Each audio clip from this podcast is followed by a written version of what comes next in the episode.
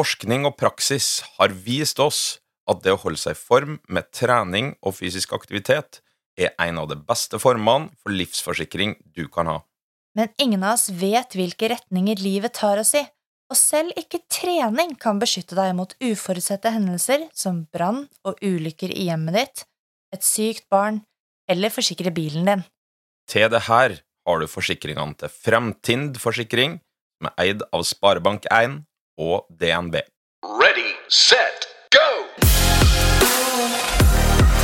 Hjertelig velkommen til prestasjonsprat med Eirik og Melina. Hei, Melina. Hei, Erik.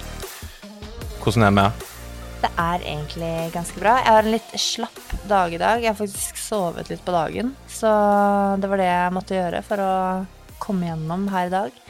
Men generelt så syns jeg det går fint. Vi har passert 1. mai, og det betyr starten på skitreningssesongen for de som driver med sånt. Så nå har jeg eh, satt meg store mål for eh, kommende sesong, og er i gang med treningen. Bortsett fra i dag hvor jeg måtte gjøre om litt, da. Men ja. Det høres bra ut. Du skal snart begynne å jobbe òg. Ja, det skal jeg. Jeg begynner eh, faktisk den 14. mai begynner jeg offisielt på jobben. Jeg valgte meg en inneklemt dag for å begynne på jobb, bare for å sørge for at ingen liksom plager meg. Um, men uh, jeg har jo, altså, i all ærlighetens navn så har jeg jo egentlig jobbet litt sånn av og på i hodet mitt, eller faktisk gjort ordentlig jobb i løpet av de siste tre månedene. Så det blir ikke en sånn brå overgang. Men jeg gleder meg til å komme liksom skru til faghodet mitt. Det blir veldig bra. Eh, jeg gleder meg òg til å ha Niklas Eller grugleder meg litt til å ha han eh, for meg sjøl ganske mye mer enn det jeg har hatt nå. Eh, jeg har fått testa meg litt, og det er jo bare, bare hyggelig, det. Jeg har jo ikke permisjon, men jeg, i, som langrennstrener, når det er lenge til snøen detter igjen, den har vel så vidt rukket å dratt, så er det litt roligere eh, tid framover. Så at, uh, jeg gleder meg til å peise på sammen med sønnen vår. Så har du vært veldig mye skada opp igjennom relatert til løping? Ikke relatert til løping. Jeg har brent meg ved to, to, anledninger. Den ene handlet om eh, noe sånn grassal beinhinnebetennelse fordi jeg ikke var smart nok til å stoppe og endre når jeg burde.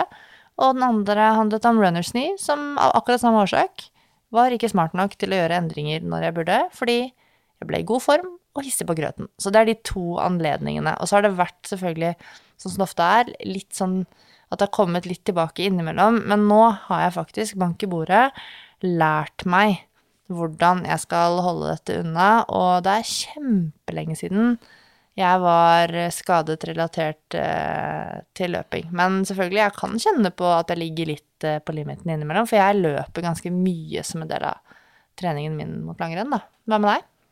Eh, veldig lite. Jeg hadde akillesbetennelse for eh, x antall år siden, eh, som gikk fort over. Eh, det var når jeg var aktiv eh, skiløper sjøl, eh, og sikkert overdrev en periode. Men ellers så har jeg ikke overdrevet så mye. Eller det motsatte, si. jeg har prøvd å holde meg unna limiten. Men selvfølgelig, vondter kan en jo ha i hytt og gevær. Jeg kan jo si det at jeg tar ganske mye ære for at du ikke er mer skada enn det du er. Det, fordi du eh, eh, Kanskje feil å si at du mangler evnen, men eh, du, er, du evner ikke alltid å se egne begrensninger som fort kan relatere, eh, kunne resultert i skader. Men jeg er den konservative av oss, og jeg presser deg til å ta det litt rolig av og til. Du tror du gjør det, men altså når du foreslår at jeg kanskje skal gjøre endringer på ting, så er det sånn at jeg faktisk veldig ofte allerede har tenkt det i hodet mitt. Det er ikke sånn at det alltid er fordi du sier det, at jeg faktisk gjør det. Ja. Jeg syns jeg er ganske flink. Det er greit. Eh, eh, I hvert fall dagens eh, episode eh, skal omhandle et tema som vi fikk veldig god respons fra dere lyttere eh, når vi la ut at vi skulle ha det. Eh, løpsskader eller skader relatert til løping, det er tydeligvis et tema som kanskje feil å si, fenger mange. Men det er mange som har eh, hatt skader relatert til det, og har spørsmål om det. Og det som jeg, vi har lyst til å bare si litt om denne episoden her, at vi snakker jo eh, egentlig ganske sånn overordnet om det. Fordi det er veldig vanskelig å gå liksom inn på én konkret skade og så snakke veldig mye om den. Fordi hvordan én konkret skade vil forløpe seg og utspille seg, hva som er riktig for eh, ulike personer, da, dere som lytter på f.eks., det vil være veldig forskjellig. Men det vi snakker om, det er relevant for alle. Så derfor er det ikke sånn at vi snakker en halvtime om f.eks. Eh, akillessenebetennelse. Så Ja, ja. Eller tibialis anterior. Det kunne ha vært i denne podkastens uh, ånd å liksom gå dypdykk ned i en muskel eller en skade, men uh, vi har valgt å ikke gjøre det den gangen her. Da, det, var, det var rett og slett vanskelig å velge ut uh, hvilken skade Hvilken muskel eller hvilken skade det skulle ha vært eh, i jungelen. Men vi er jo ikke eksperter på det her, på ingen som helst måte. Eh, så vi har eh, vært så heldige å få tak i en gjest. Han eh, heter Anders Heen. Eh, så han skal få introdusere seg sjøl, så jeg tror vi hopper rett til episodene. ja, det gjør vi. Så da ønsker jeg bare hjertelig velkommen jeg, til sjølveste løpelegen eh, Anders Heen. Velkommen. Hjerteligst, tusen takk. Det er veldig stas for meg å bli invitert til en podkast som jeg er fast lytter av, og som jeg lærer av stadig vekk. Så det er hyggelig. Ja, det var hy hyggelige ord. Um, jeg sa det eh, når vi snakka sammen før episoden, at du er den første legen vi har med eh, på denne podkasten, og dermed eh, har du fått da tittelen Vår huslege. Eh, vi kjenner deg jo ganske eh, godt, men kan ikke du ta så kjapt bare ta og introdusere deg sjøl for våre lyttere? om eh, Hvem er du, hva du jobber med, og, og ikke minst eh, hvorfor løpelegen? Husle huslege er jo for så vidt en ære å bli kalt, det òg. Eh, nei, jeg er eh, eh, spesialist i allmennmedisin og idrettslege. I spesialiseringsløpet mitt så kombinerte jeg jobb som fastlege og lege i Garden oppe på Hovseter med mm, stor andel av pasienter med muskel-, skjelett- og belastningsskader. Eh, Etter et år på skadelegevakten i Oslo så har det blitt mer og mer idrettsmedisin de siste årene. Eh, Hvor jeg har vært lege for kombinertlandslaget de siste tre årene og, og rennlege for langrennslandslaget de siste to. Eh, og så har jeg en uh, bitte liten fot inne på NIMI, men litt langvarig sykdom i familie og, og covid har gjort at jeg ikke er i gang der, da.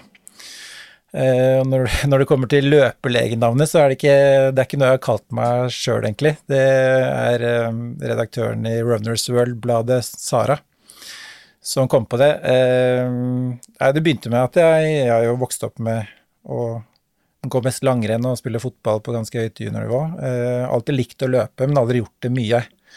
Men jeg har liksom hatt et sånn drømmemål, livsmål, om å komme under tre timer på maraton.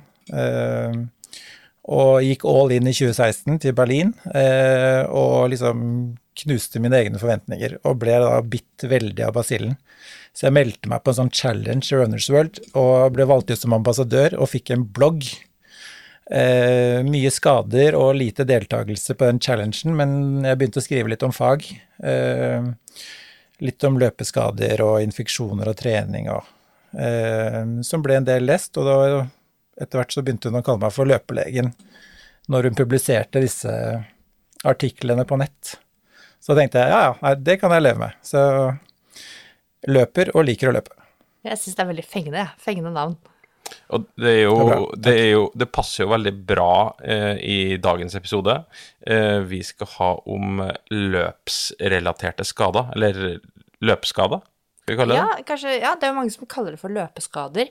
Og det er jo nesten et spørsmål i seg selv. Hvorfor er det blitt sånn at vi kaller, kaller det for løpeskader, eller snakker om løpeskader? For det er vel kanskje ikke helt sånn i medisinen at det er en egen kategori som heter løpeskader?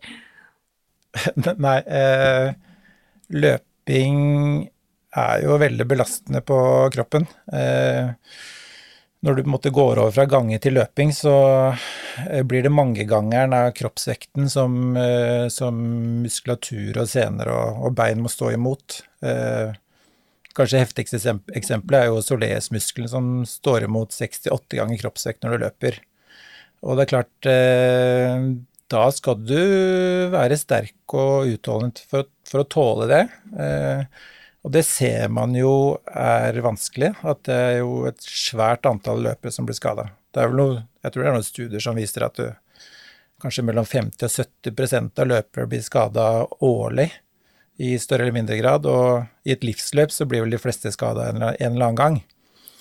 Eh, og så er det jo selvfølgelig en del skader som, som foregår med hyppigere ved løping enn andre idretter, da. Det er litt sånn utrolig å tenke på at skade prevalensen er så høy når eh, Man kan jo tenke seg at menneskekroppen er liksom født til å løpe.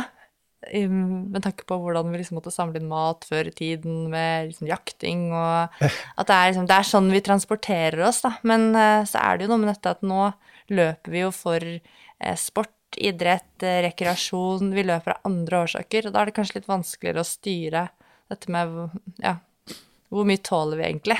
Det er vi ikke så gode på. Nei, vi sitter jo mye på rumpa i hverdagen i mye større grad enn før.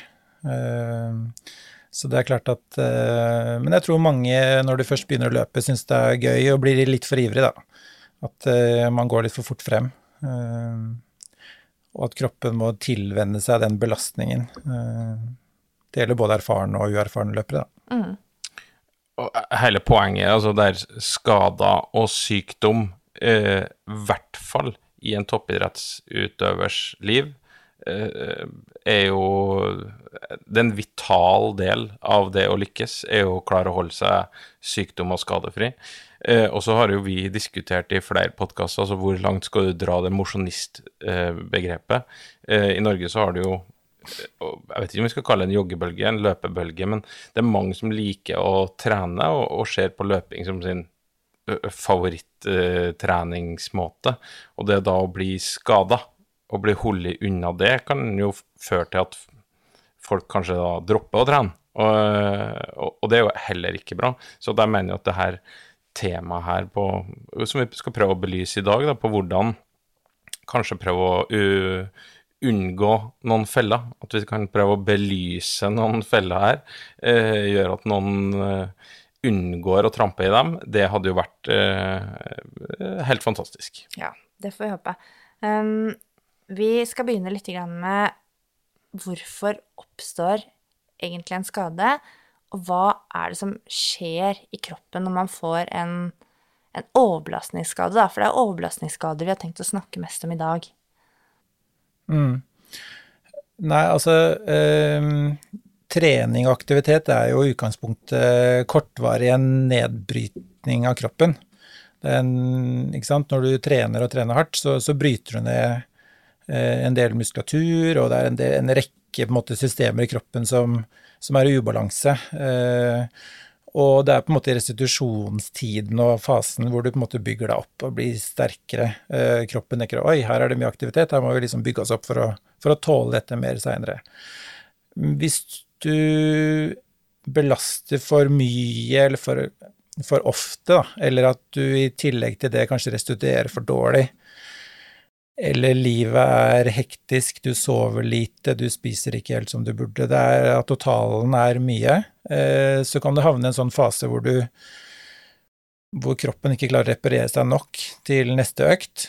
Eh, og så vil du havne i en sånn fase hvor du litt etter litt bryter ned eh, muskler eller senefester, eller hva det dreier seg om, da, eh, mm. litt over tid. Og så vil du kanskje etter hvert få litt vondter, men du klarer å løpe like fort. og så fortsetter du kanskje å trene, fordi nei, dette går vel over. og så etter hvert så blir den vevskaden såpass stor da, at du kanskje ikke klarer å løpe like langt, like fort eller at det gjør såpass, såpass ubehagelig at du må gi deg. Eh, og da, da, har det på en måte skjedd såpass eh, stor skade at du uh, må trappe ned for ikke bli enda mer skadet, da. Mm. Det er um, liksom når vi har ja, når, vi, når vi kjenner disse vondtene og smertene som begynner å komme, og disse murringene, um, hva er det egentlig som foregår i vevene da? Hvorfor får vi vondt? Er det, får man betennelse? Er det ruptur? Eller hva er det som egentlig det som kan skje? Nei, altså det er jo eh, en del, i hvert fall altså ved akutte store skader, så er det gjerne muskelrupturer hvis du på en måte ryker en akilleshæl eller får en svær strekk i leggen, men, men eh, det er jo Jeg tror at du får litt småbetennelsesforandringer, sånn kortvarig. Eh, litt sånn fri, kanskje litt frie radikaler og sånn, dette kan jo dere mer om enn meg. Eh, men det er en del ting som blir stimulert og satt på strekk, som på en måte må repareres og tildeles. da. Og det kan gå ganske raskt, men, men, det er klart, hvis ikke du hvis ikke man får tida til det, da, eller at det er såpass mye belastning, så, så, kan den skaden bare balle litt på seg. Da. Uh, og til slutt så vil du få vondt, men du vet ikke helt akkurat kanskje hvordan det begynte, eller det skjedd, skjedde ikke plutselig, da. Du nevnte jo eh, akuttskader, og så sa jeg at vi skal snakke mye om overbelastningsskader. Men eh, så da må vi kanskje eh, fortelle lytterne våre litt hva forskjellen på de to tingene er også. Eh, kan ikke du, Anders, fortelle oss hva, hva er, liksom, er det som kjennetegner en akuttskade, og hva er det som kjennetegner en overbelastningsskade? Nei, altså ved en akuttskade så er det gjerne en plutselig ytre hendelse som du husker eller kjenner på. Det kan være et ankelovertråkk på en rot i skogen hvor du ryker noen ligamenter på utsiden av ankelen f.eks. Eh, eller du tar en spurt fordi du skal spille tennis og ikke varme opp, og så rykker du til og napper til i leggen. Eh, mens en overbelastningsskade er jo det er mange årsaker eh, som leder til en overbelastningsskade, og det skal vi vel snakke mer om. Men det er jo gjerne en kombinasjon at det er liksom too much too soon, da. Man, eh, de to kanskje viktigste risikofaktorene for en overbelastningsskade er volumet du legger ned, altså type løpe, løpemengden, løpsmengden, og, og, det neste er jo faktisk at hvis du har hatt en skade på samme sted tidligere, så går det igjen på en måte at det er en risiko for å få den skaden der på nytt. Og så er det en rekke andre risikofaktorer, da. Så, så det er på en måte en sammensatt sammensurium av flere ting. Eh, om det er litt eh, Viktigste er nok de ytre faktorene med hva du legger ned av trening, aktivitet og restitusjon og sånn, men så er det jo ja, det er litt varierende hva forskningen sier, men kanskje litt anatomiske utfordringer hos noen, eller ikke, vi ser jo ikke like ut, for å si det sånn. og det, For noen som det, kan det kanskje være en medvirkende årsak til skade, uten at det nødvendigvis er en egen Det er ikke en risikofaktor alene. Det vil du aldri finne, på en måte. da. Ja, akkurat det du sier at en tidligere skade kan uh, typisk er noe som kan gå igjen år etter år. Da. Jeg har jeg, Det er feil å kalle det anekdote på det, men jeg har en historie på det. Det var tre dager uh, før jeg da uh, var så heldig at jeg skulle gifte meg med uh, hun som sitter ved sida av meg. da var vi på det greske ferieparadiset Rådos, og jeg da fant ut at jeg skulle prøve denne smoking-skoen min litt.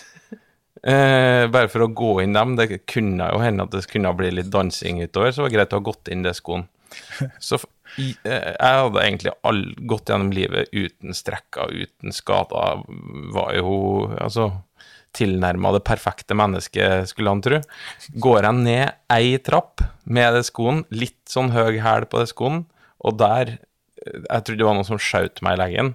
Eh, knekker jo sammen der. Eh, jeg kom meg jo i bryllupet, fikk sagt ja og ble eh, gift, men den leggen der den har aldri blitt den samme. Nå, eh, hvert eneste år så har jeg en sånn eh, Kall det murring, vondt uh, Spesielt nå på våren, når jeg da trapper opp uh, treninga igjen. I hvert fall løpinga, da. da så jeg kan mm. skrive under på at det er noe som vedvarer. Jeg vet ikke om moralen er at du aldri skal gifte deg, men det er i hvert fall eh, kanskje ikke gå ned ei trapp det første du gjør med nye smokingsko. Jeg tror kanskje ikke giftermålet har så mye med saken å gjøre, men, men, jeg tror i forhold til at du kjenner det så mange år i etterkant, det er det ganske mange som gjør, da.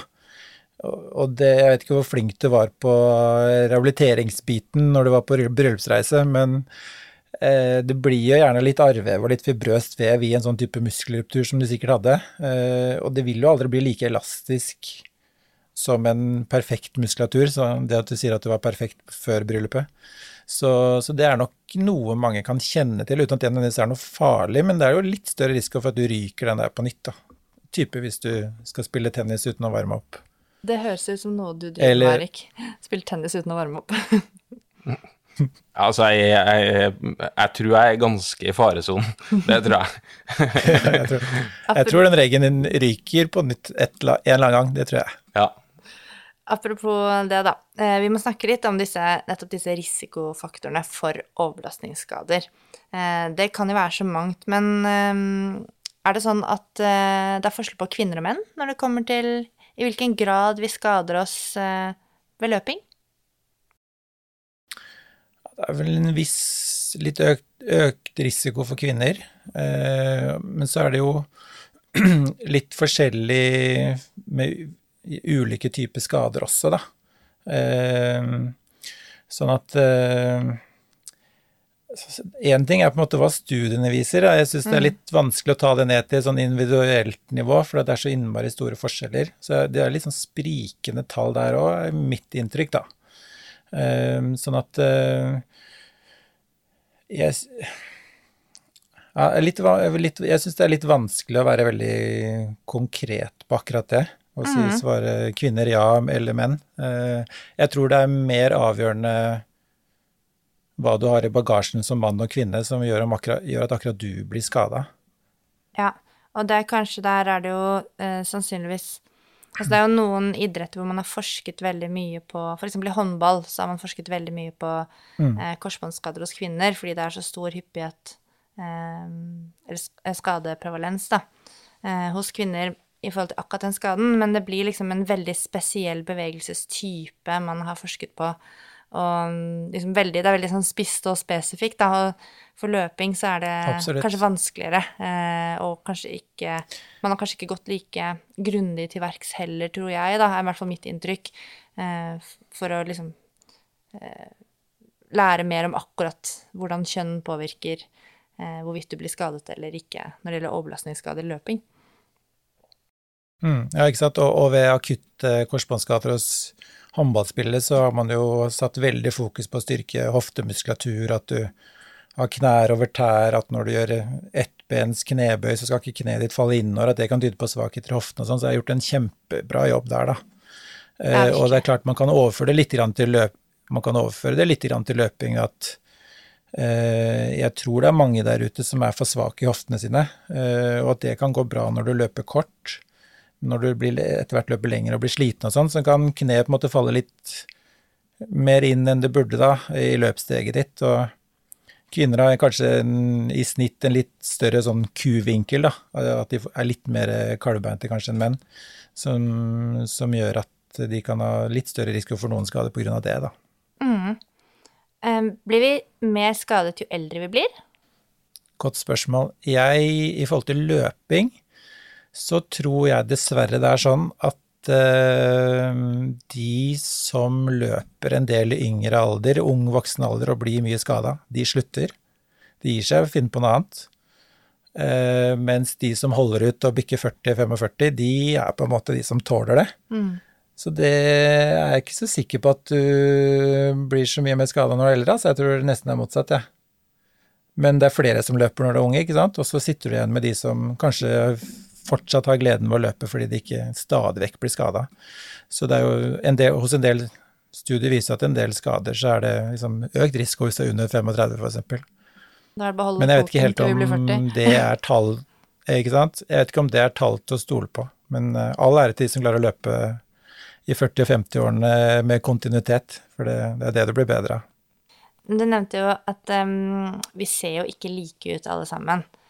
Og det er noe som heter antropometri, altså hvordan er vi liksom konstruert? Uh, hvordan er uh, proporsjonene våre og anatomien vår? Og uh, hvordan, um, hvordan tenker du at det kan spille inn på um, skade, eller som en risikofaktor, da?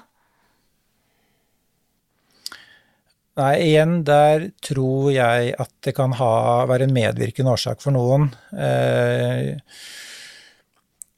men der er det også litt sprikende data. Min erfaring er eh, fra Jeg har jo sett veldig mange føtter i Forsvaret, eh, og det er folk som er helt plattfote, folk er hulfote, og de kommer inn med skavanker, litt uavhengig av fottype. Eh, min erfaring der er kanskje at det er mer risiko å være hulfot enn motsatt. Men det er klart at hvis du overpronerer veldig mye, eller sånn, så kanskje du får litt mer stress på innsiden av leggen eh, som gjør at du kan ha litt større risiko for å få, få medialt tibialt stressyndrom eller beinhinnebetennelse, f.eks. Eh, hvis du eh, ja, Hvis du er, er, er veldig kaldbeint, f.eks., så kan det gi litt mer stress på kneet på utsiden. Det er en del sånne ting som kan være medvirkende for noen. Eh, men det er ikke sikkert det gjelder for akkurat deg, selv om måte, studiene kan vise det. Eh, sånn jeg er ikke så tilhenger av at man skal korrigere veldig mye føtter og sånn som ikke nødvendigvis har gitt deg noen plager hittil i livet, da. Jeg tror man kan overkorrigere litt òg, og det er klart at eksempel foten, da, som eh, det er vel er det 33 ledd eller noe sånt i foten, det er en del demping i foten. Og en del av den dempingen skjer i en sånn pronasjon og supinasjonsfase, så det å på en måte stoppe sånne typer bevegelser ved å få en veldig rigid såle eller noe sånt, det er ikke alltid det er like bra. Men, hvis, men jeg tenker at hvis man er, har en eller annen sideulikhet da, i kroppen, at det f.eks. du overpronerer veldig mye mer på høyre side enn venstre side, eller at den ene hoften din har rotert veldig mye mer inn enn den andre, så tenker jeg det Da ville jeg vært litt mer nysgjerrig på kanskje finne ut av eller søke hjelp hos en fysioterapeut eller noe sånt, da, som kan vurdere om det er noe man på en måte kan jobbe noe med. Da. Kanskje det er en benlengdeforskjell som kan gi litt asymmetrisk løpssteg, f.eks., som kan øke risikoen noe, da. Jeg tror på en måte folk må øh, gjøre det beste ut av den kroppen de har. Det er jo, Man har ikke noe valg. Uh, og så tror jeg det er innmari lurt å styrke de strukturene som er i størst risiko for å bli skada mens du løper, da. Og der er det jo, ikke sant, uh, soleusmuskelen leggen, som er kanskje min favoritt, da. Den som står unna kanskje størst størsteparten av kreftene står imot 68 ganger kroppsvekt, som jeg nevnte, den er ofte den store stygge ulven, syns jeg, type beinhinnebetennelse. Jeg syns den som regel alltid er veldig stram uh, og øm uh, hos de pasientene jeg ser. Uh, og det tror jeg kan være årsaken at rett og slett ikke er sterke nok eller utholdende nok i den muskelen. da. Så jeg tror man burde se litt på de tingene, heller enn at hvert fall ikke anatomien alene skal gjøre at du blir skada. Mm. Det har med hva du gjør med den kroppen din, som fører til skaden, tror jeg, i større grad. Ja, dette er jo musikk i mine ører, eh, spesielt det som du var inne på med tanke på føtter og, og, sko. Og det er jo sånn Jeg tror det har blitt litt misforstått, sikkert gjennom kommunikasjonen fra sportsindustrien da, når det gjelder dette med løpesko, at det er liksom pronasjon eller supinasjon, at foten faller innover eller utover, at det liksom er feil, eh, og at alle skal etterstrebe å ha en fot som at alt peker rett frem hele tiden, men så er det jo som du sier, foten er jo helt fantastisk strukturert og kon konstruert til å faktisk dempe, og da er jo supinasjon og pronasjon en del av løpesteget, og så er det jo liksom i hvilken grad, videre. Det er veldig interessant å høre dette med hvordan du tenker om at vi kanskje må se zoome litt ut fra det, og så se litt større på ting, da. Eh, med tanke på mm. sånn som sideulikhet og ting som kan være mer sånn graverende. Eh, men Soleus, ja. altså, dette sier bare litt om hvor nerd du er på løping og eh, alt dette. For det er sånn Det er en muskel som jeg, i hvert fall jeg sjelden hører at uh, folk snakker om, egentlig, eh, når det gjelder å Ja, i forbindelse med trening, egentlig, i det hele tatt. Um, og i hvert fall kalle den en favorittmuskel. Ja, det er veldig nerdete, da. Men dere snakker jo om favorittprinsipp, treningsprinsipper og sånn, så dere er jo på samme hakke. Det er veldig gøy. Det ja. liker jeg godt med podkasten deres. Eh, nei, jeg syns det er litt rart at den, at den er litt underkommunisert, altså, men den ligger jo i skjul av den store, fine gastroknemusen som ligger over, da. Så den ligger som en sånn flyndremuskel innunder den store leggmuskelen. Men, mm. men jeg har, mener jeg har lest en artikkel om at den, den står mot nesten halvparten av de vertikale kreftene, når du i stegavviklingen, når du måtte letter igjen, Ja. så har den ekstremt mye å si for, eh, for løpssteget ditt. Og hvis du og den består av masse treige muskelfibre, som er veldig utholdende, men det er på en måte ikke den du spurter med. Eh, Men, men hvis den blir sliten og svak, så, så klarer ikke den å stå imot den kraften du møter type med asfalten. Da. Og da kan jo det forplante seg opp i knær og hofter, og det kan kanskje være litt av årsaken til at du har vondt i hofta eller et kne, ikke sant. Det er ikke alltid der du har vondt, det er ikke alltid der liksom problemet ligger, da. Så hvis du er liksom stadig skadeplaga og ikke skjønner helt ut av det, så kan, tenker jeg at det er fint å få det kartlagt hos en idrettsfysioterapeut eller noen som jobber med fysikalsk medisin og rehabilitering for å få kartlagt litt, særlig hvis du elsker å løpe og vil fortsette med det, men sliter på en måte med stadig vekk med skavanker, da. Finne dine svakheter og styrke de. Ja, det tror jeg du Og er alle burde styrkes og leves. Ja, alle burde ja, men det tror jeg du har helt rett i, begge deler. Og det er egentlig veldig fin beskjed å ta med seg at hvis du Det er ikke vits å liksom eh, hele tiden føle at du får treningen avbrutt, eller at du har litt vondt hver gang du skal trene og gjøre ting som du egentlig elsker å gjøre. Da er det bedre å, å gå til en fysioterapeut, og da er det fysioterapeutene som ofte er de beste på dette her, da.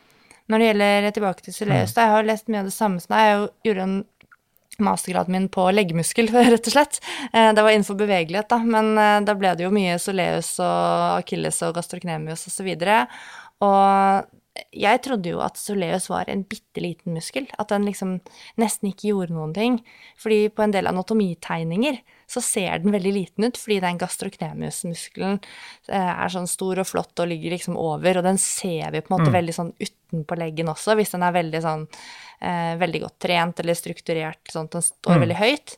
Men, eh, men soleus er jo egentlig en, en ganske stor muskel under der, som tar sin plass. Absolutt. Og, ehm, og da tenker jeg det er fint å I og med at alle bør trene soleus, da.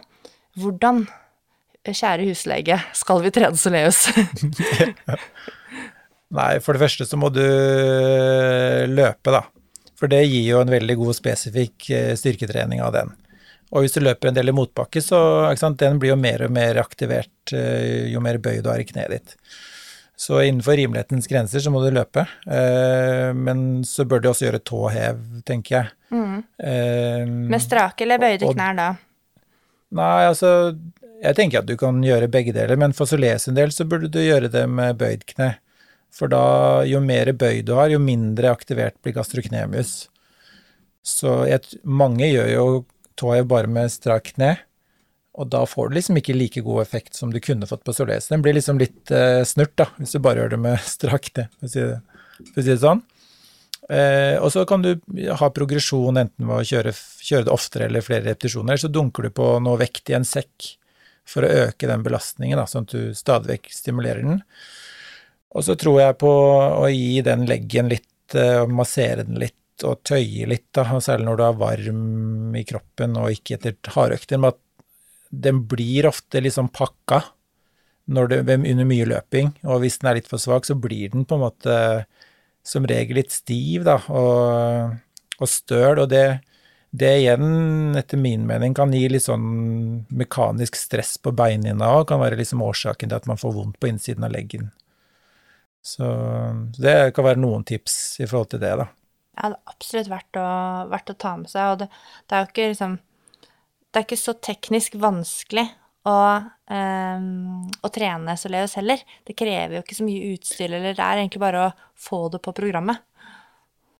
Ja, og ikke trenger du sette deg hele kvelden heller.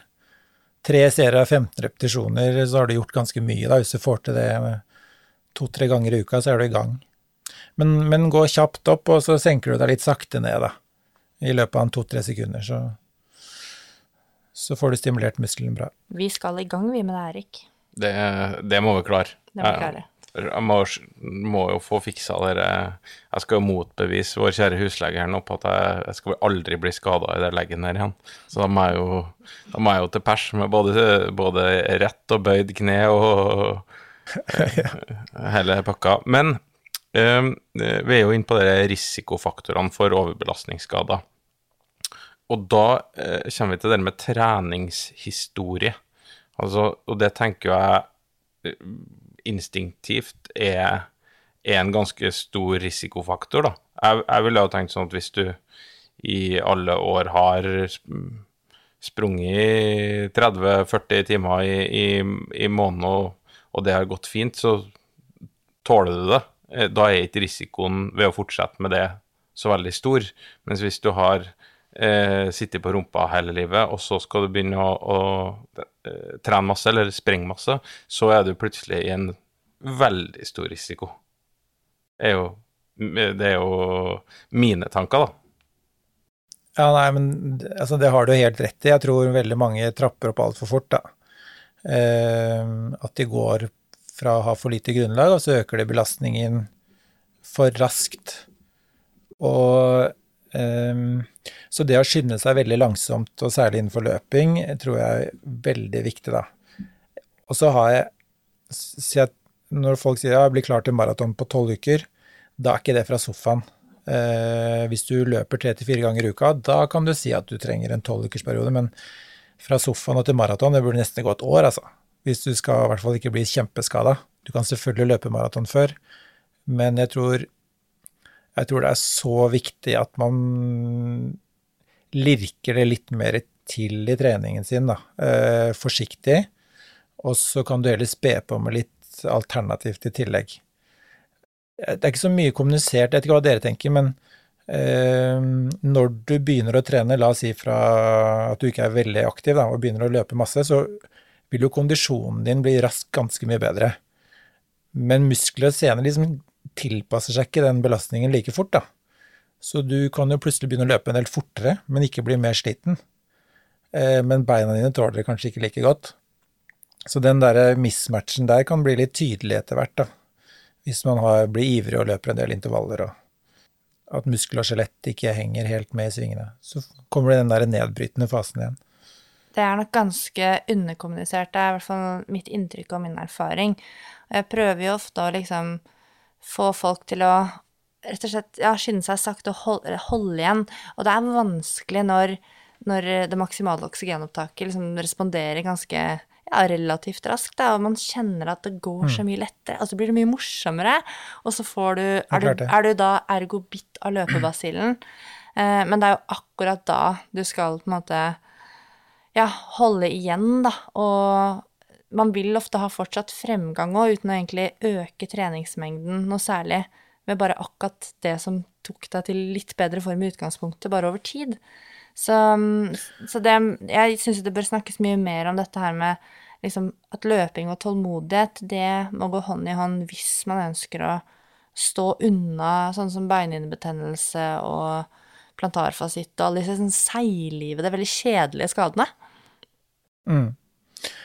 Og så tror jeg også at man ikke nødvendigvis alltid trenger å løpe så fort. Altså eh, speed kills, da. Altså jo raskere du løper, jo mer eh, belastning har du på, på beina. Og det, jeg tenker ikke at man alltid må trene disse her eh, spyøktene, da. Eh, sånn VO2 max-øktene som er litt sånn hvor du løper litt korte drag og ordentlig raskt. Jeg har mer troa på, og særlig en sånn oppbyggende fase, at man legger seg på en litt lavere intensitet, da, type terskeltrening, og mer, kan ha litt lengre drag, litt mer volum. Og så da får du samtidig bra nok effekt på hjerte og lunger, og så kan du heller, hvis du vil trene mer, så kan du kjøre en sånn knallhard økt type på sykkel eller på rulleski eller alle løpere bør egentlig elske å lære, lære seg en alternativ kondisjonsform, for du kommer til å bli skada en eller annen gang, mest sannsynlig. Og istedenfor da å legge seg på sofaen og ta helt hvile, så er jeg veldig tilhenger av relativ avlastning, da. At du tar ned litt av løpingen eh, i mengde eller intensitet, litt avhengig av hva du sliter med, og så kan du ikke ta treningsfri, men drive med noe annet som ikke gir deg en smerte, da. Så berger du kanskje uten å ha fravær fra trening, istedenfor at du løper og løper og løper, og så blir vondtene såpass store at du må ta deg helt fri. Da tar det også veldig mye lengre tid å komme seg tilbake igjen.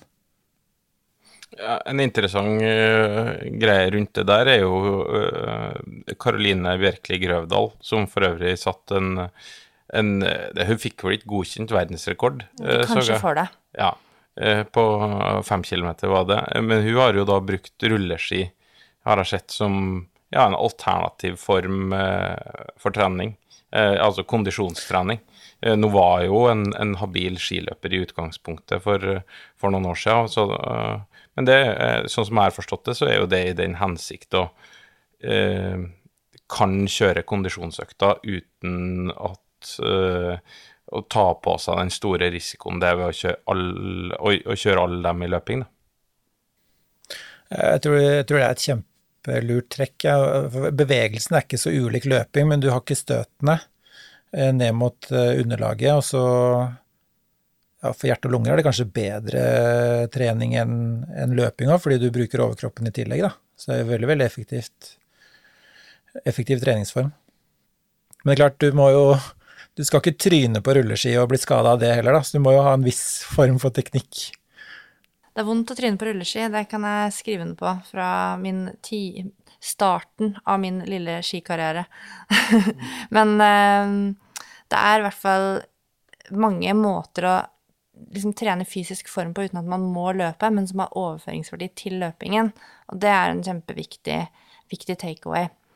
Um, med tanke på dette med underlag um, Når man løper uh, de mest populære løpene, så går jo de på asfalt. Altså de aller største løpene i Norge og i verden, det er asfaltløp. Men så hører man jo stadig vekk at asfalt, det skal man ikke løpe på, det er ikke bra, osv. Har du noen tanker, Anders, rundt dette med underlag og liksom trening versus racing, osv.? Jeg, jeg, tror underlaget er viktig å tilpasse seg til jo lenger du løper. Så, så, så hvis du skal løpe et maraton, så må du jo stort sett være litt innom asfalt. Eh, rett og slett for å herde muskulaturen til å tåle en, særlig den siste mila. Eh, men jeg tror, og meg selv inkludert når jeg trente til maraton, så brukte jeg mesteparten av tida på flatt underlag og på asfalt. Eh, jeg tror ikke det er nødvendig å kjøre så mye på én type underlag. Det øker jo skaderisikoen ganske mye, tenker jeg da, fordi du får La oss si at når du løper på den harde asfalten, så vil løpssteget være omtrent likt hele tida. Mens hvis du går ut på grusen eller litt motbakke, så vil du få bare bitte små variasjoner i foten din. Du må type på sti, så vil ankelen stabilisere hele tiden, og du vil få en viss form for styrketrening i foten også. Eh, og ved å løpe litt motbakker så styrker du også leusen litt mer enn du gjør når du løper flatt. Så det er masse sånne tilleggsfaktorer ved å variere både underlag og, og terreng, da, som jeg tror du fint kan gjøre i forhold til å løpe maraton. Så Men du kommer ikke unna noen harde langturer på asfalt, men jeg tror du burde tenke at man også i et treningsprogram mot maraton kan trene mer variert, da. Ja, for det er noe som jeg har tenkt um, bare i, i, hodet mitt selv, at uh, liksom jeg har, jeg, har lyst, jeg har, ikke løpt maraton selv ennå, men jeg har lyst til å gjøre det. Men så har jeg tenkt at åh, nei, men da kan jeg ikke liksom ha de stiturene som jeg elsker i Nordmarka. Da må jeg liksom kutte på de, for da må jeg sikkert trene så mye på asfalt. Men jeg hører på deg nå at det kan egentlig kanskje være lurt å ha noen sånne. Og så faser inn Jeg løper mye, en del på asfalt nå, eh, egentlig ganske mye. Men, men, det er noe med å liksom få de gode langturene ute i Nordmarka og liksom fortsatt beholde de, da. Men jeg hører på deg at det, det kan være mulig. Ja, og jeg tenker jo egentlig at du kan tåle å løpe nesten litt lengre, da, når du er på mykere underlag. Du kan nyte turene enda mer. Du, at, at, du kan få en litt sånn tilsvarende muskulær belastning. Uh, så det syns jeg du skal fortsette med. Du kom deg litt ut på asfalten som, som, du gjør, det tror jeg, hvis du skal løpe maraton, så Ja, må nesten det. Det blir vondt i beina. vi eh, hopper litt videre, vi. Eh, vi skal begynne å dreie oss inn mot dere Jeg syns det på et vis har et litt sånn usexy rykte, altså det med skadeforebygging. Det høres litt sånn usexy ut, og, det, og jeg føler at det er kanskje noe som neglisjeres eh, i det ganske land. I hvert fall eh, eh veit jeg eh, at sjøl på toppnivå så er det med skadeforebygging Det er liksom det Det venter vi med til mandag. Eh, det er ikke noe vi begynner med nå. Eh, men vi har, har, fått inn en del spørsmål som vanlig til podkasten her, og det setter vi enormt stor pris på. Og så er det eh, som går igjen til mange, det om hvor vondt man skal ha før man oppsøker enten deg da, som lege, eller en fysioterapeut. Ja, det er jo et veldig godt spørsmål, da. Eh, Jeg tenker det er så viktig hvor lenge du har hatt vondt, og hva du har gjort før du bestemmer deg for å ringe til lege eller fysio, da. Eh, Men hvis du løper med vondter, kanskje en, særlig en sideulik vondt, da, som i utgangspunktet ikke gir seg med noen dagers hvile, og du kanskje heller trener litt alternativt og gjør det du kan for å bli kvitt den vondten, og det ikke går, og du på en måte er usikker på hva det er, så tenker jeg at det kan være greit å, å se en venn, da, for å få noen andres øyne på det. Kanskje er det litt mer sammensatt enn du tror. Men, men hvis, du, hvis du har en vondt da, som du tar hensyn til, som sakte, men sikkert blir bedre av å trappe ned løpsvolumet, da, eller, eller at du dropper litt intervaller og sånn, og tar det litt ned og gjør noe annet litt i tillegg. Trenger ikke nødvendigvis være helt løpefri, men du må komme deg på plussida, sånn at du tåler det du driver med, og du sakte, men sikkert blir bedre igjen, så trenger du ikke nødvendigvis å oppsøke noen. Men det er jo en grunn til at du har fått den vondten, så det er greit å prøve kanskje å redusere det litt. Eh, om det er noen områder du kan styrke for å hindre at de kommer tilbake igjen. Og da kan jo en lege eller fysio hjelpe deg litt sånn på sikt også. Men jeg tenker hvis det blir sånn stikkende smerter i vevet, og det er vondt i Det er litt mer enn en stølhet og direkte smerte som sitter i flere dager etter en økt, så er det i hvert fall noe som er litt gærent inni der. Og da, da må du ta grep for at ikke det skal bli verre, da, eh, og for at det skal gå over. Eh, Og så er det jo, ikke sant, det er no, noen symptomer som du burde ta litt mer på alvor, er typisk du har hvilesmerter, Uh, selvfølgelig hvis du føler deg allment syk i tillegg, eller de sitter i et ledd liksom som blir hovent eller rødt.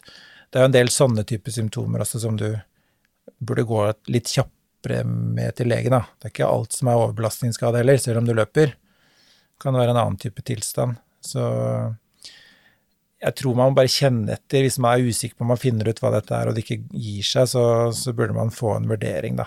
Så det er vanskelig selvfølgelig å gi noe konkret svar på akkurat når. Men, men løper det med en litt ømhet som, som ikke blir så veldig mye verre, verken etterpå Det pleier jeg å si, da. Hvis du Hvis det er Hvis det ikke blir verre underveis eller etterpå eller til dagen etter, så er det innafor, tenker jeg. Den belastningen du utsetter deg for. Og hvis det ikke blir vondere og vondere uke for uke, så, så berger du antageligvis. Men du er på limiten, da. Så Noen ganger så er det jo litt sånn Eller når man trener en del, så man får jo litt vondt her og der innimellom, uten at man nødvendigvis løper til legen og fysioterapeuten av den grunn. Så egentlig veldig fint å ha noe litt sånne Ok, går det bort, og du liksom føler du har kontroll, så har du sannsynligvis kontroll, men er du usikker? Og det er jo ikke noe hyggelig eller godt liksom å gå rundt og være usikker. Og da føler jeg litt sånn når den usikkerheten om burde jeg, burde jeg ikke, da tenker jeg da burde du. Da burde du gå til legen, eller da burde du liksom Istedenfor å ha det hengende over deg, da. ja. Og det klart og, at så, og så finner du ut for sent at du egentlig burde. Ja, og, og kanskje det er for sent hvis du har fortsatt å provosere den uh, vondten, da. Så jo, jo større vevskaden er, jo lengre tid tar det å bli bra. Så det er klart, jeg, jeg har jo litt trua på å ta bort den smertefulle Den belastningen som gir smerter ganske tidlig. Heller gjøre noe alternativt. Den aktiviteten du burde lære deg å elske, som også gir deg bra treningseffekt. Og da trenger du ikke å miste så mye verken fysikk eller, eller treningsglede, men det er klart det der er full stoppen som, som er litt avgjørende. Men, og ved en overbelastningsskade så er det jo lite medisiner som fungerer. Det kan heller til og med sånn som betennelsesdempende viser seg jo i kanskje nedsatt tilhellingsevne, da, eller at det tar lengre tid å bli bra. Så, så det viktigste er å ta bort den belastningen som gjør vondt. Og det kan du, gjøre, det kan du begynne med uten å gå til enten helsepersonell, altså. Men hvis man har um, hatt en overbelastningsskade, da, hvordan vet man egentlig når man er skadefri, eller når man er kvitt den skaden? Det er alltid litt sånn uh, nesten litt skummelt hvis man har vært ute, en, ute et par uker og trent alternativt kanskje, og så skal man begynne med løping igjen. Men hvordan vet man liksom egentlig når det er på tide?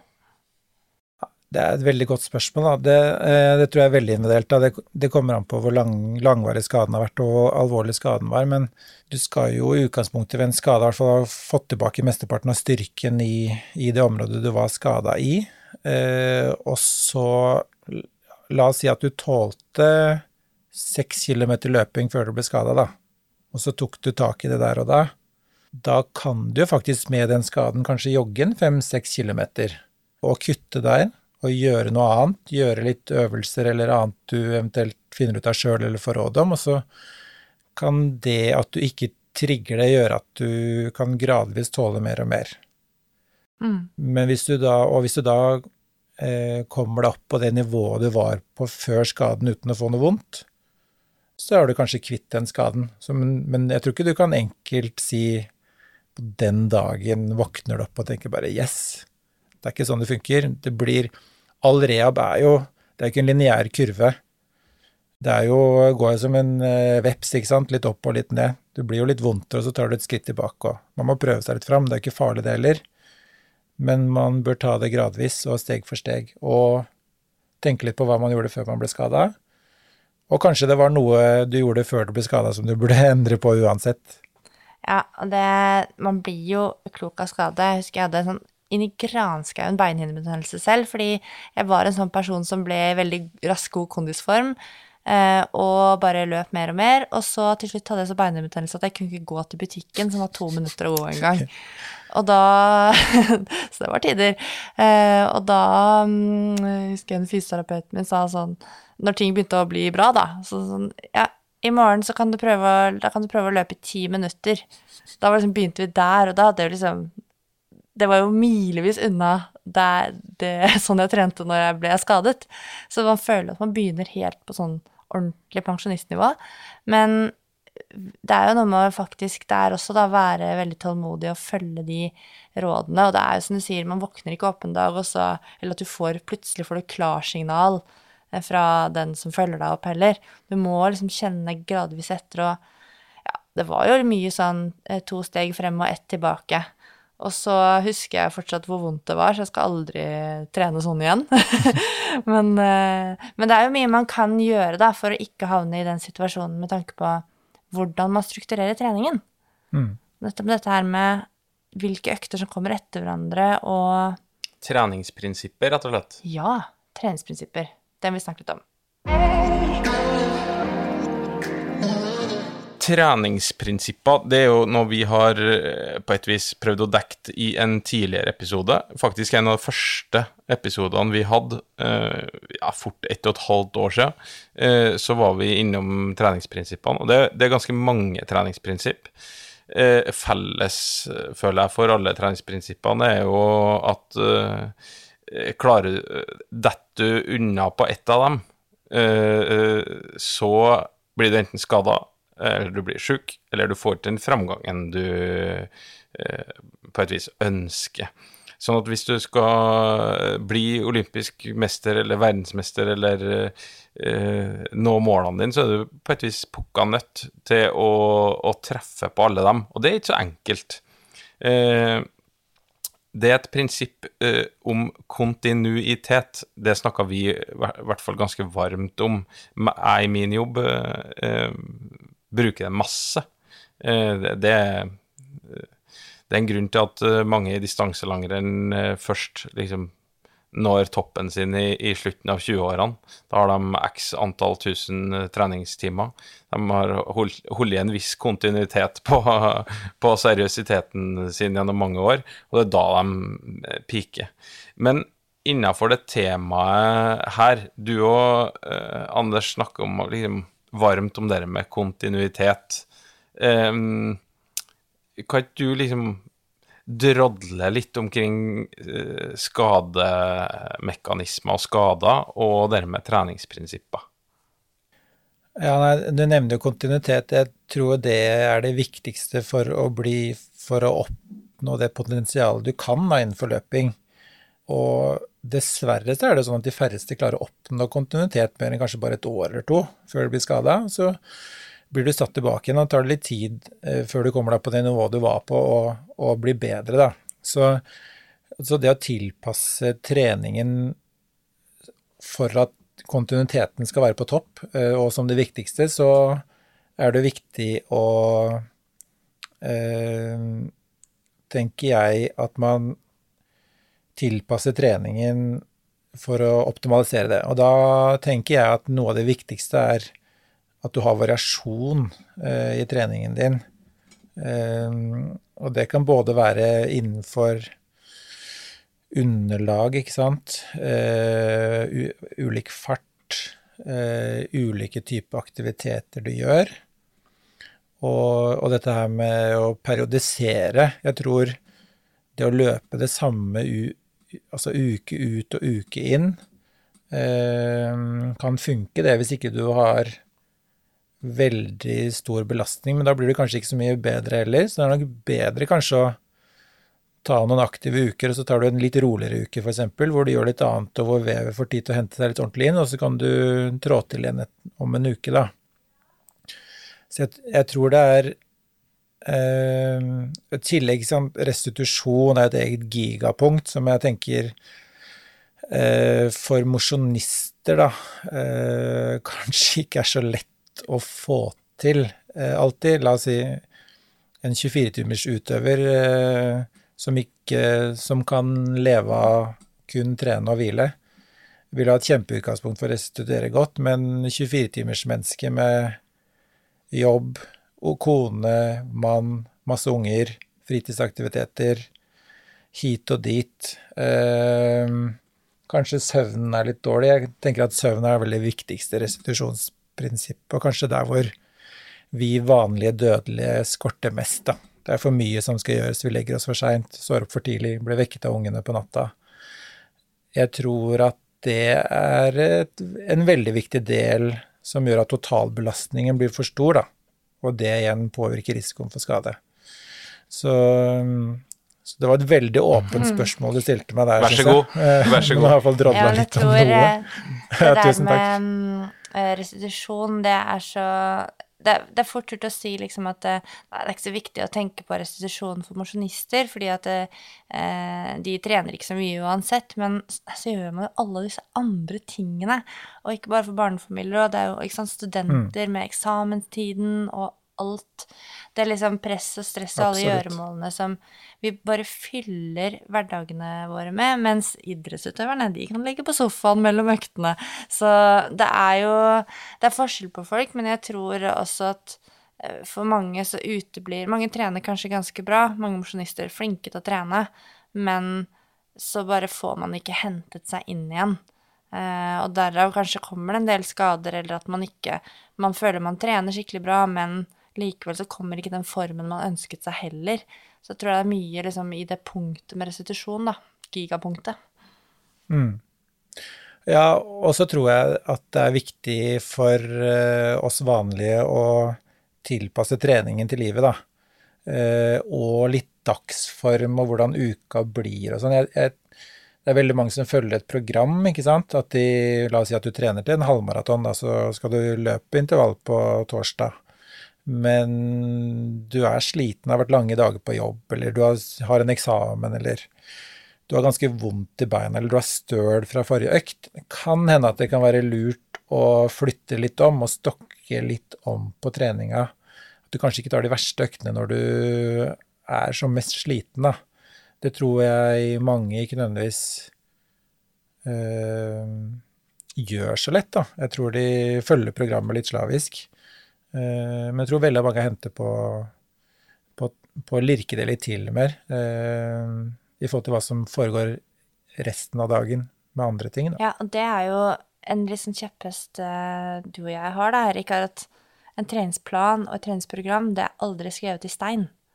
Det er Nei. noe vi har sagt uh, mye om mange ganger, og det er så viktig å understreke. fordi jeg vet selv at hvis jeg ikke får liksom gjennomført sånn som jeg har planlagt om å endre på ting, så kan du kjenne liksom et stikk av dårlig samvittighet her og der. Men jeg ville følt meg så mye dårligere ved å bare presse gjennom en økt og ikke få en god økt fordi det ikke var den riktige dagen å gjøre på. Og sånn som i dag. I dag er det, er det tirsdag, ja det er det. Jeg skulle ha intervall. Det jeg har gjort, jeg har gått en tur på 30 minutter. Jeg har ikke, jeg har ikke løpt engang.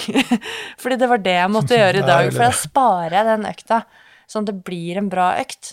Og hvis man gjør sånn, så kan det jo også ende opp med at du, du har rett og slett bare, nesten bare gode økter. Fordi du klarer å ta de på de riktige dagene. Det blir gøy å trene.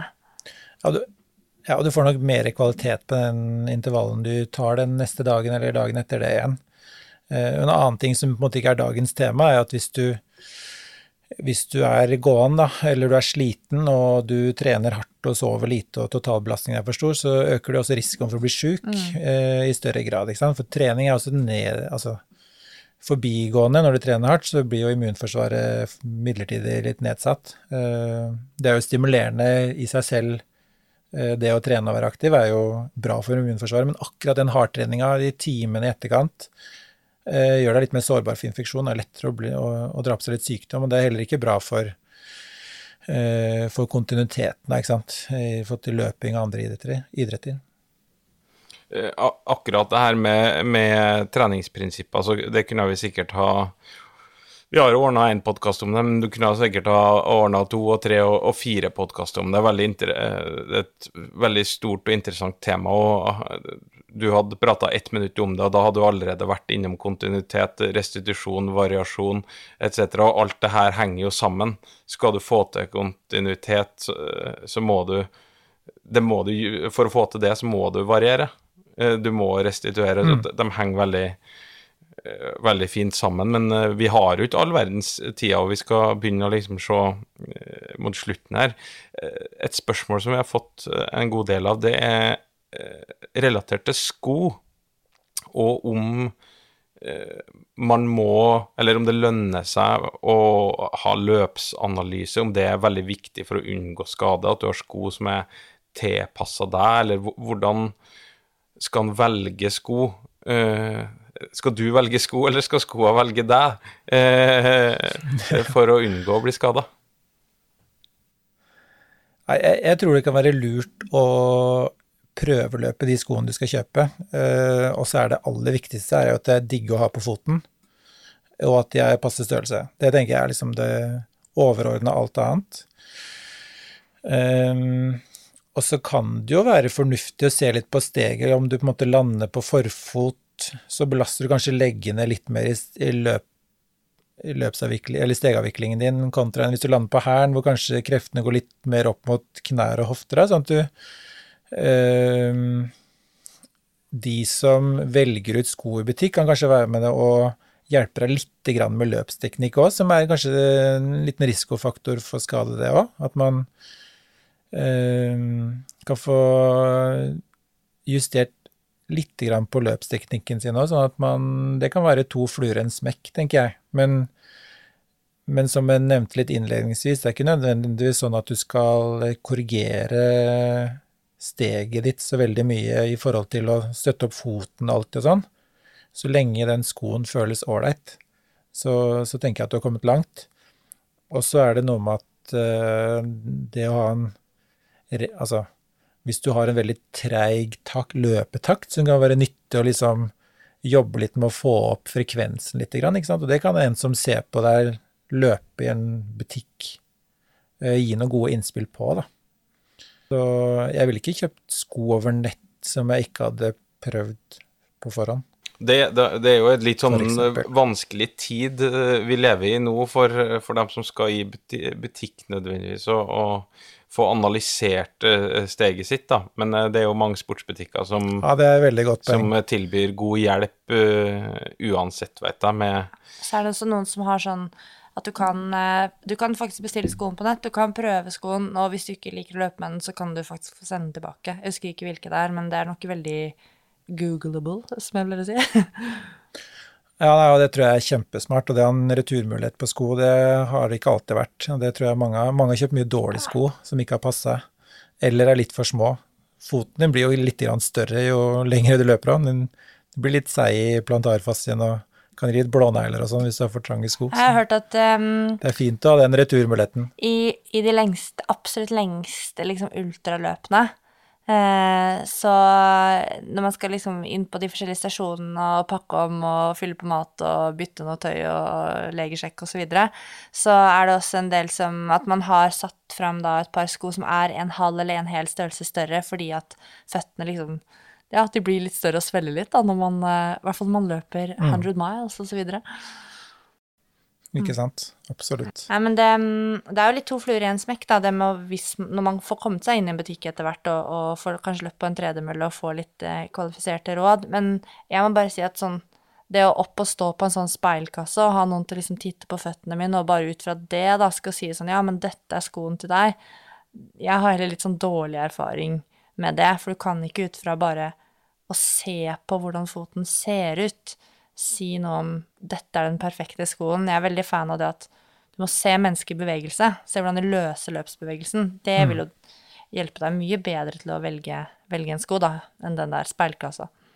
Absolutt. Ja, poenget du kan, Når du ser meg, så kan du jo tenke toppidrettsutøver, og så ser du meg springe, og så ser du ganske med en gang at her, her er elgen på tur. Eh, Det er Mye s- eh, som eh, vi blir Det er noe med det. Tusen hjertelig takk, Anders, eh, for at eh, du var med og opplyste oss litt rundt et tema som jeg vet Det ser jeg på spørsmålene som har kommet inn. Det er veldig mange som lurer på ting om det her temaet. Så håper jeg Som vanlig har vi ikke klart å rukke å svare på alle, men vi har klart å svare på litt av det. Og du har vært til veldig stor hjelp, Anders. Og så har du jo nå blitt oppnevnt til huslege, så du skal ikke se bort ifra at eh, vi plutselig eh, plinger på deg igjen. eh, For at vi har noe tema som vi ikke kan nok om, som vi må ha inn en overkvalifisert løpelege inn og, og svare på. Takk, veldig hyggelig å få være med. Jeg kommer gjerne igjen. Så bra, da gleder vi oss allerede, og dere kan jo følge Dr. Hen på eh, Løpelegen på Instagram. Også, Det anbefales. Det anbefales. Og så eh, gleder vi oss allerede til neste podkast. Følg oss i sosiale medier på at prestasjonsprat. Ha det bra.